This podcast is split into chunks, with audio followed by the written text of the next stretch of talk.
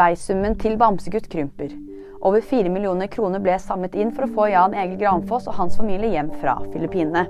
I dag har 16 000 personer fått tilbud om å få tilbake pengene. Torsdag formiddag var summen redusert med minst 100 000 kroner. Våpenhvile blir utsatt. I dag skulle en fire dagers lange våpenhvile mellom Israel og Hamas tre i kraft. Nå blir den utsatt pga. uenigheter mellom partene om hvilke gisler som skal frigis.